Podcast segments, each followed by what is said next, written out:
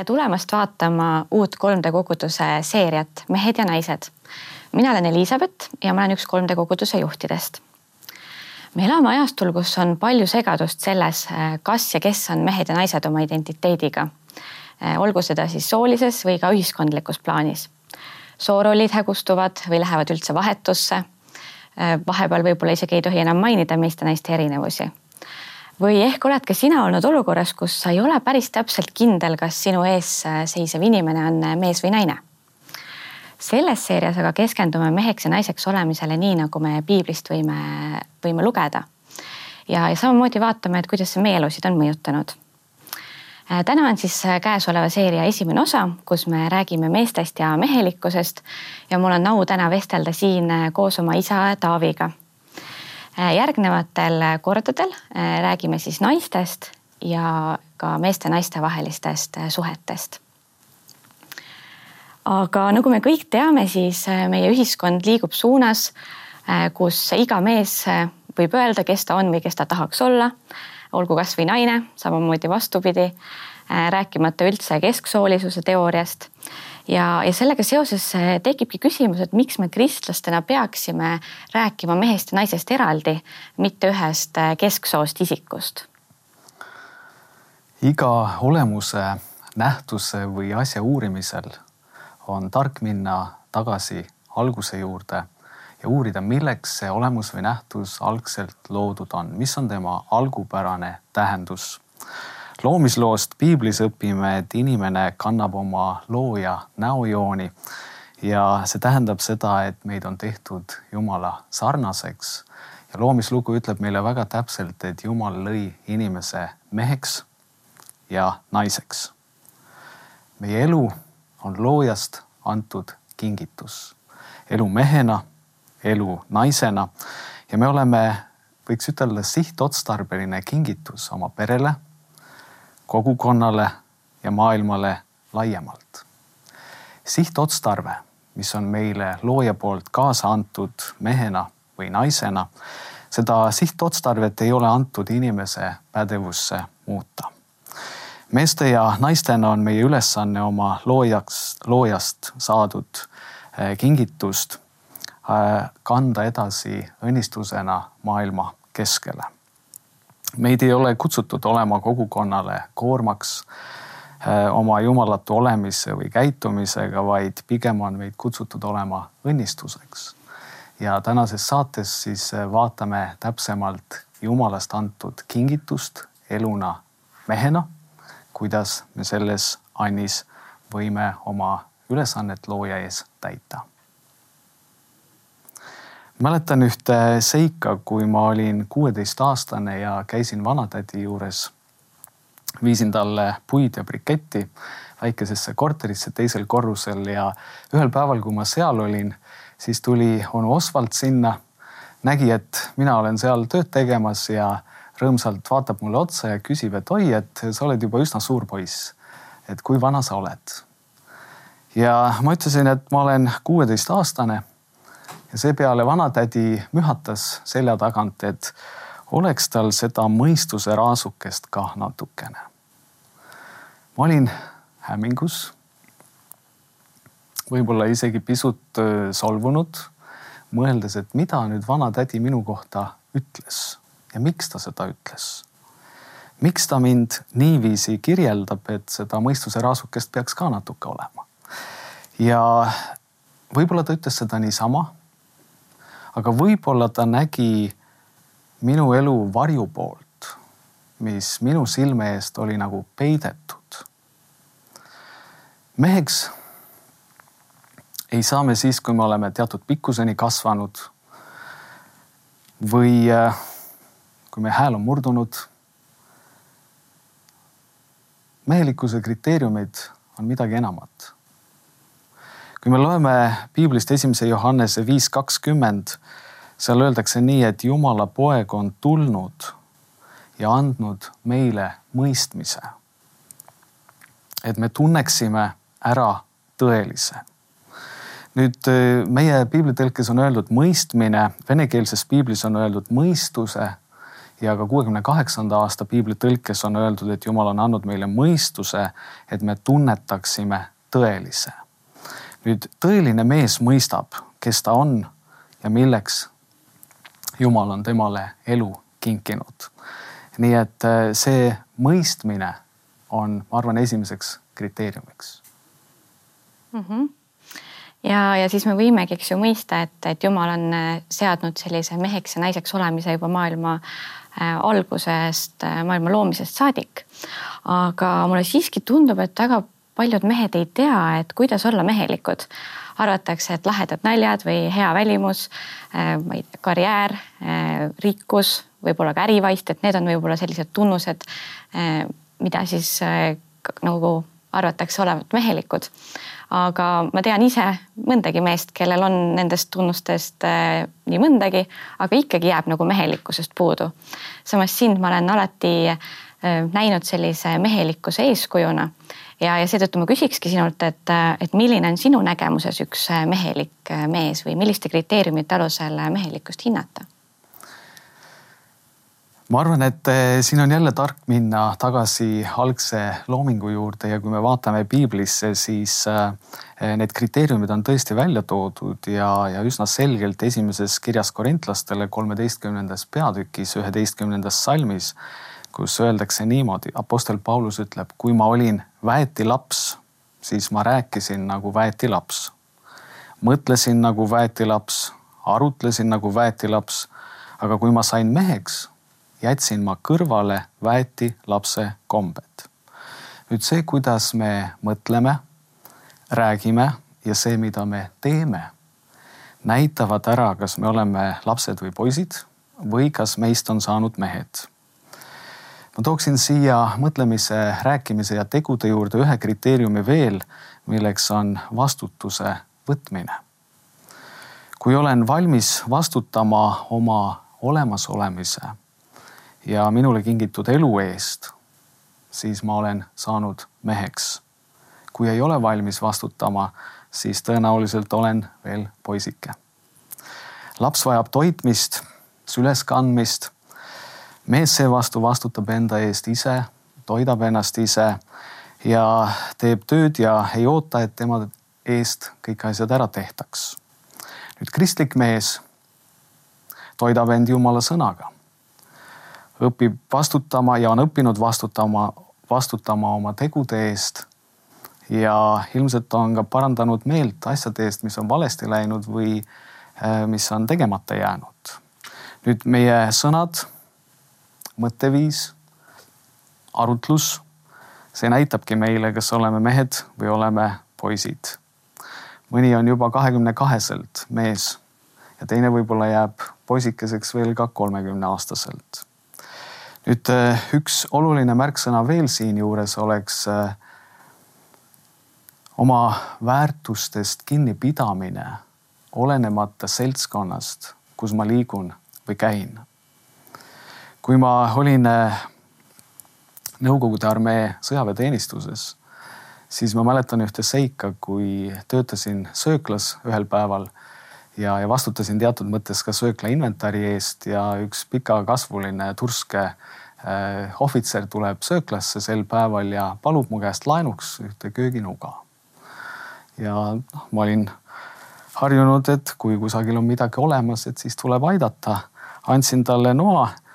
Ta läks ära oma toimetusi tegema ja mõne aja pärast ma muutusin rahutuks, sellepärast et ta ei toonud seda nuga tagasi Läksin ohvitseri kantselei ukse taha ja koputasin, astusin sisse ja, ja tutvustasin ennast, et ma olen tulnud sööklast ja, ja ütlesin, et see nuga ei ole tagastatud.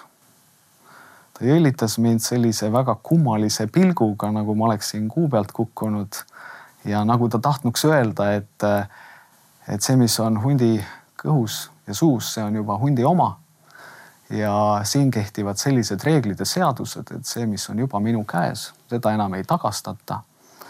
ja ma mäletan, ma seisin seal tema ees külma rahuliku pilguga ja ütlesin, nuga peab saama sööklasse tagastatud. nüüd ma ei mäleta, kas ta tagastas selle või ei tagastanud, aga mul oli hea meel, et ma olin seisnud oma põhimõtete eest ja säilitanud selle väärtuse, mida mina oluliseks pidasin. mehi on kutsutud hoidma väärtusi ja põhimõtteid kõikjal, kus me oleme ja liigume. kui olin vallaline, vastutasin enda eest ise, aga hea oli elada kodus. isa-ema toitsid ja katsid mind. aga siis tuli aeg, kus tundsin, et äh, ilmselt valla, vallalisus ei ole minu and. Et ma peaksin edasi palvetama abiellumise pärast. palvetasin, mõtlesin, arutlesin ja mäletan, kui ma olin oma välja valitu juba nii-öelda peaaegu kindel olin selles, siis äh, ei tahtnud veel otsustada või ei julenud otsustada ja siis ma mäletan, ema ütles mulle, et äh, et kas sa siis ikkagi ühel hetkel juba võtad naise ära, et kaua sellest käimisest siis, äh, kaua seda käimist siis on, et tee asjad konkreetseks ja, ja siis ma veel palvetasin ja, ja otsisin Jumala juhatust ja langetasin otsuse. nüüd eesti keeles öeldakse ka, et mees võtab naise, see tähendab, ta on jõudnud kohta, kus ta on valmis otsustama ja vastutust võtma. ja pühakiri ütleb meile, et mees jätab maha oma isa ja ema ja hoiab oma naise poole nüüd äh, vastutusvaldkond hakkab muutuma. kõigepealt oled kihlatu, siis oled abielumees, varsti oled lapse isa äh, siis äh, see, ma olen noortele tavaliselt ütelnud, et see vastutusvaldkond nagu hakkab kasvama hüperpoolselt ja, ja, ja iga uus asi toob nii-öelda uue kohustuse juurde ja, ja minule juba on siis juba ka vanaisa vastutus õlgadele langenud. nii et me ei saa sellelt vastutuse rattalt maha. Ja tõeline mees mõistab seda, et ta vastutab oma tegude eest ja ta läheb selles vastutuses Jumalale lootes edasi. minul oli üks murekoht ja ma mõtlesin, et kui ma olen pastori ja karjase kutsumusega, et kuidas ma oma peret üleval pean ja kuidas ma neid ära toidan, sest vähemalt meie kirikus on pastori palk olnud üsna väike ja madal. aga ma arvan, et kristliku mehe üks omadusi on see, et ta usaldab Jumalat, et Jumal varustab ja Jumal aitab ja ma olen tänulik oma abikaasale Merlele, kes samuti on olnud nagu Jumala kingitus mulle ka perekonna varustamisel. ma ei saa, ma ei saa öelda, et meil oleks millestki puudus olnud. ja, ja teisest küljest ei ole ka ülejääki olnud aga Jumal on kandnud ja, ja ma olen selle eest Jumalale väga tänulik. ma mäletan ühte hetke tõesti, kus võib-olla ainukord, ainus kord elus, kus ma olen mõtelnud, et kuidas ma järgmise palgapäevani vastu pean. ja ma õppisin tol ajal teoloogilises seminaris Tallinnas ja, ja kui ma olin seda mõtet mõtelnud, siis mõni aeg hiljem äh, avastasin oma tudengi kirjakastist ümbriku, kuhu oli sisse pandud viiesaja eurone, tol ajal oli see suur raha ja sinna oli öeldud Taavi ja Merle, Jumal õnnistagu teid.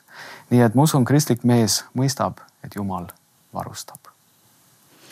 Jah, ja võib-olla hoolimata sellest, et sa ise oled vahepeal tundnud, et, et äh, pole suutnud võib-olla parimal viisil äh, peret materiaalselt varustada, siis äh, meie oleme alati tundnud perena, et, et meil on kõik asjad olemas olnud ja, ja toit on laual olnud.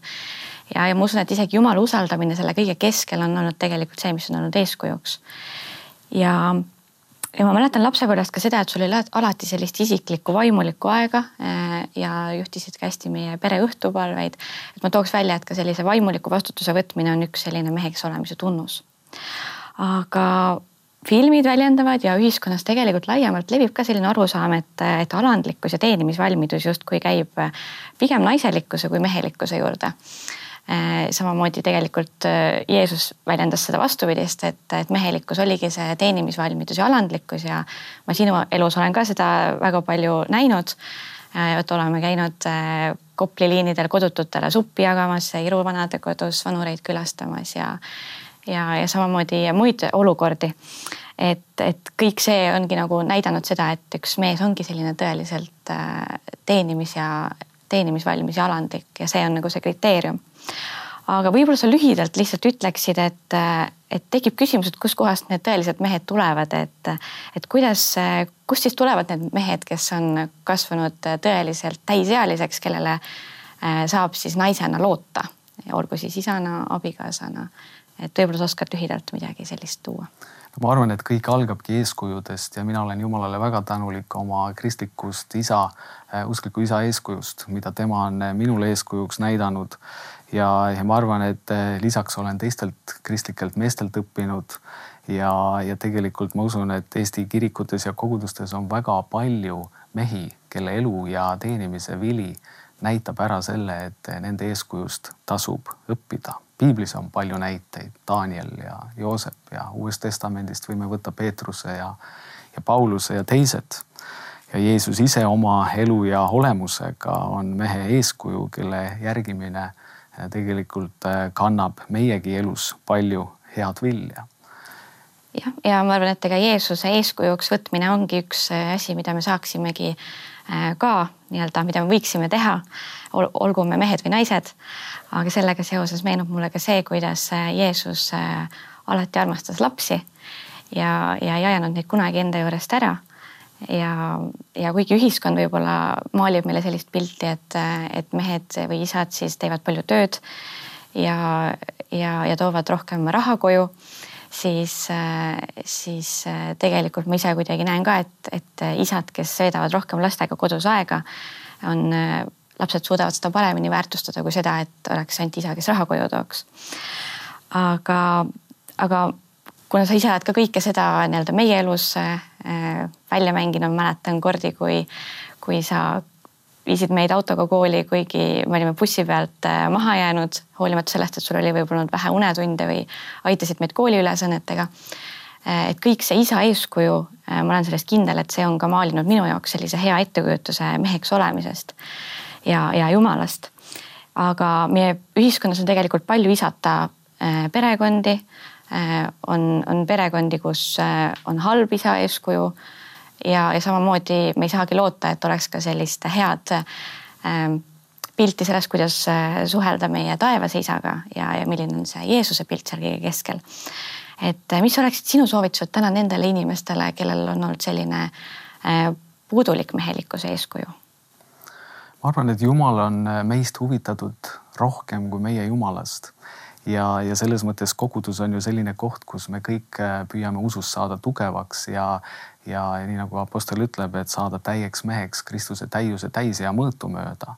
ma arvan, et koguduses äh, õppides ja Jeesuse eeskujust õppides äh, teostubki see Jumala plaan ka meie kui mehe elus.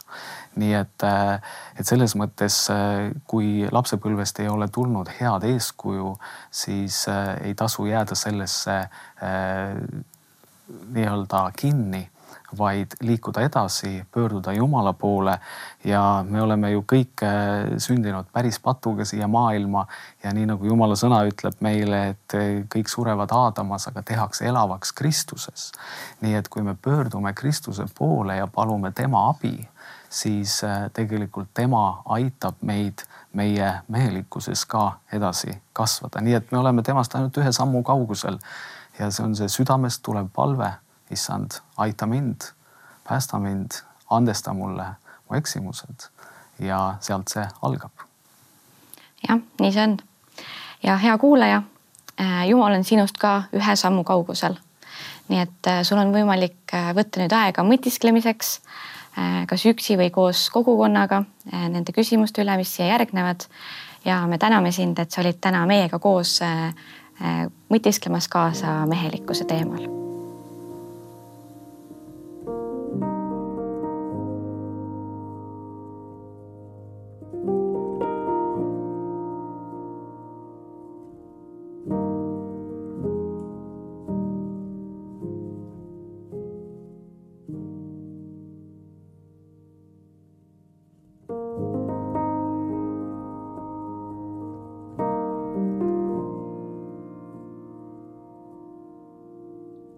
you